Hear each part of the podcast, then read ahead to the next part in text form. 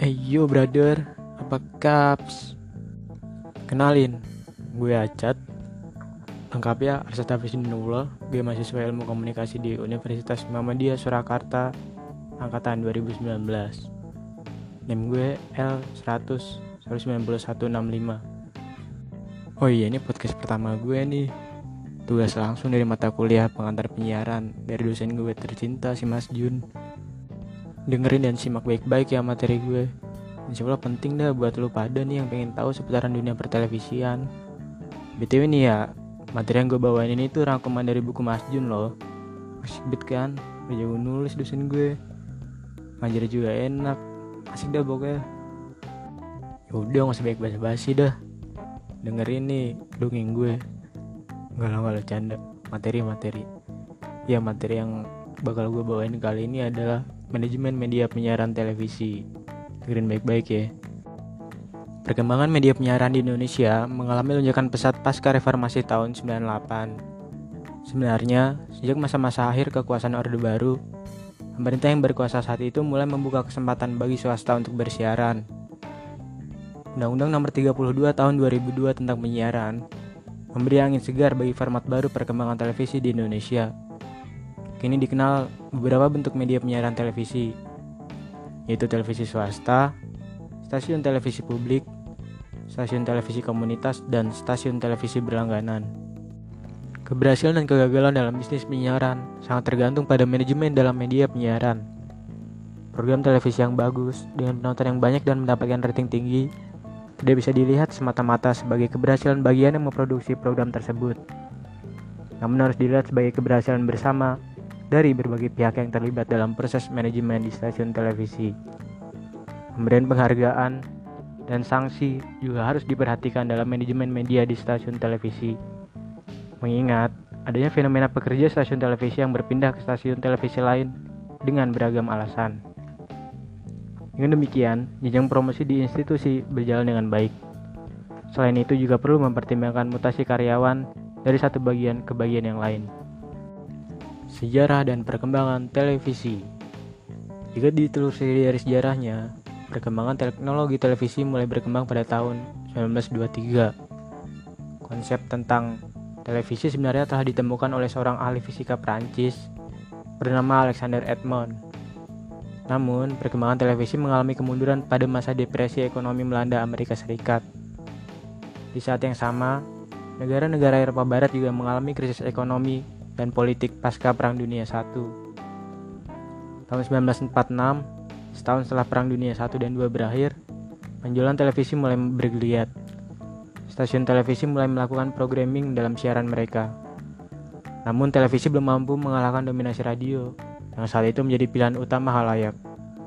Perkembangan teknologi televisi memang banyak berakar dari Amerika, namun bukan berarti di negara-negara lain terutama Eropa Barat, teknologi pertelevisian tidak dikembangkan. Di Indonesia, dalam posisinya sebagai negara berkembang, baru memiliki stasiun televisi pada dekade 1960-an. Ketika TVRI berdiri dan mengudara pada tanggal 17 Agustus 1962. Perkembangan stasiun televisi di Indonesia pada dekade-dekade selanjutnya juga berjalan dengan stagnan karena stasiun televisi yang hanya diposisikan sebagai perangkat negara. Ketiadaan kesempatan bagi swasta untuk mendirikan stasiun televisi menjadikan penyiaran televisi tidak berperan sebagai identitas bisnis. Namun pada tahun 1987 baru terbuka kesempatan bagi swasta untuk terlibat dalam penyiaran televisi. Pada masa pemerintahan Orde Lama, stasiun televisi hanya satu, yaitu TVRI yang berada di Jakarta. Namun pada masa pemerintahan Orde Baru, stasiun televisi dibangun di daerah dalam bentuk TVRI daerah, seperti TVRI Jogja, Surabaya, dan kota-kota lain. Perubahan dalam dunia penyiaran televisi di Indonesia mulai tampak di tahun 1987 ketika RCTI diizinkan bersiaran terbatas di Jakarta dan sekitarnya. RCTI juga membuka tabu dalam siaran iklan televisi dengan menyiarkan iklan. Dari sisi bisnis, perkembangan dunia pertelevisian di Indonesia telah mendatangkan iklan dalam jumlah besar. Televisi menjadi media utama bagi para pengiklan untuk melakukan penempatan iklan sebagai media placement. Keterbukaan perizinan ini berlanjut pada tahun-tahun setelahnya ketika berbagai stasiun televisi mengudara di Indonesia. Sebagaimana yang telah disinggung pada bagian lain bab ini, Sering dengan penambahan jumlah stasiun televisi, kepemilikan pesawat juga semakin bertambah terus-menerus. Teknologi televisi digital secara langsung juga akan menyebabkan persaingan antar stasiun juga semakin dekat. Dengan diselenggarakannya siaran digital yang bisa membuat 6 kali banyak program siaran dalam satu kanal, diharapkan persoalan keterbatasan kanal dapat teratasi. Dengan demikian, digitalisasi siaran televisi akan memungkinkan pemirsa memperoleh layanan terintegrasi dan terkonvergensi yang memberikan banyak keuntungan. Struktur dan posisi dalam manajemen televisi. Pimpinan tertinggi dalam institusi media televisi adalah presiden direktur, direktur utama dan CEO yang menjabat posisi sebagai ketua dewan redaksi. Tugas dari pimpinan tertinggi dalam manajemen di stasiun televisi meliputi beberapa tugas.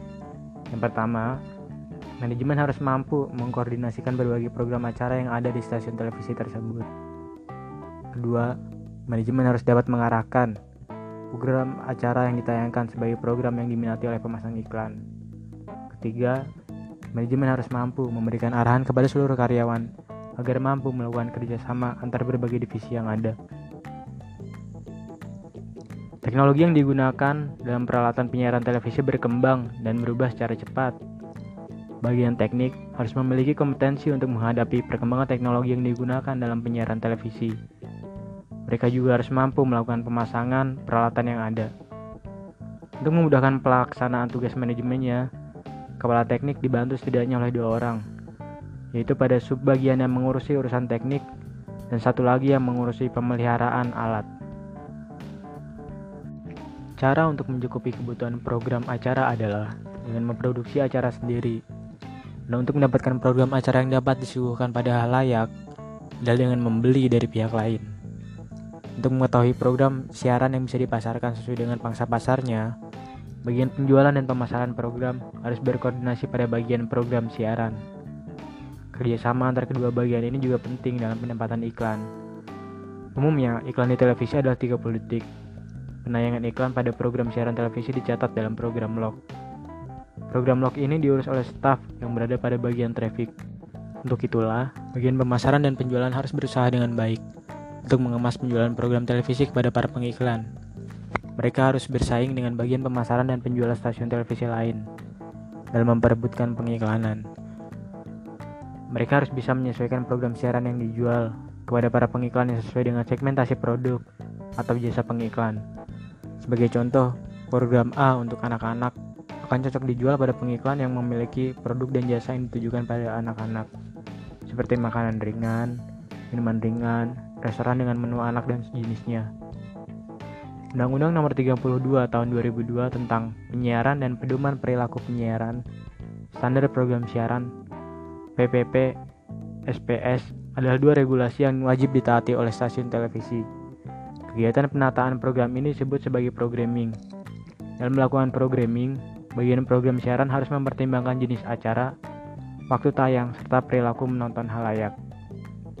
Persaingan antar stasiun televisi yang semakin ketat sering kali menjadikan stasiun televisi harus membuat program yang menarik. Hal ini menimbulkan akses adanya potensi terhadap pelanggaran regulasi. Ketika stasiun televisi mendapat teguran KPI karena dianggap melanggar regulasi, maka bagian administrasi yang bertugas melakukan klarifikasi pada KPI. Pada tahap produksi berita, reporter melakukan pendekatan kepada pihak panitia maupun narasumber terlebih dahulu dengan maksud agar mendapatkan wawancara dan informasi yang lengkap.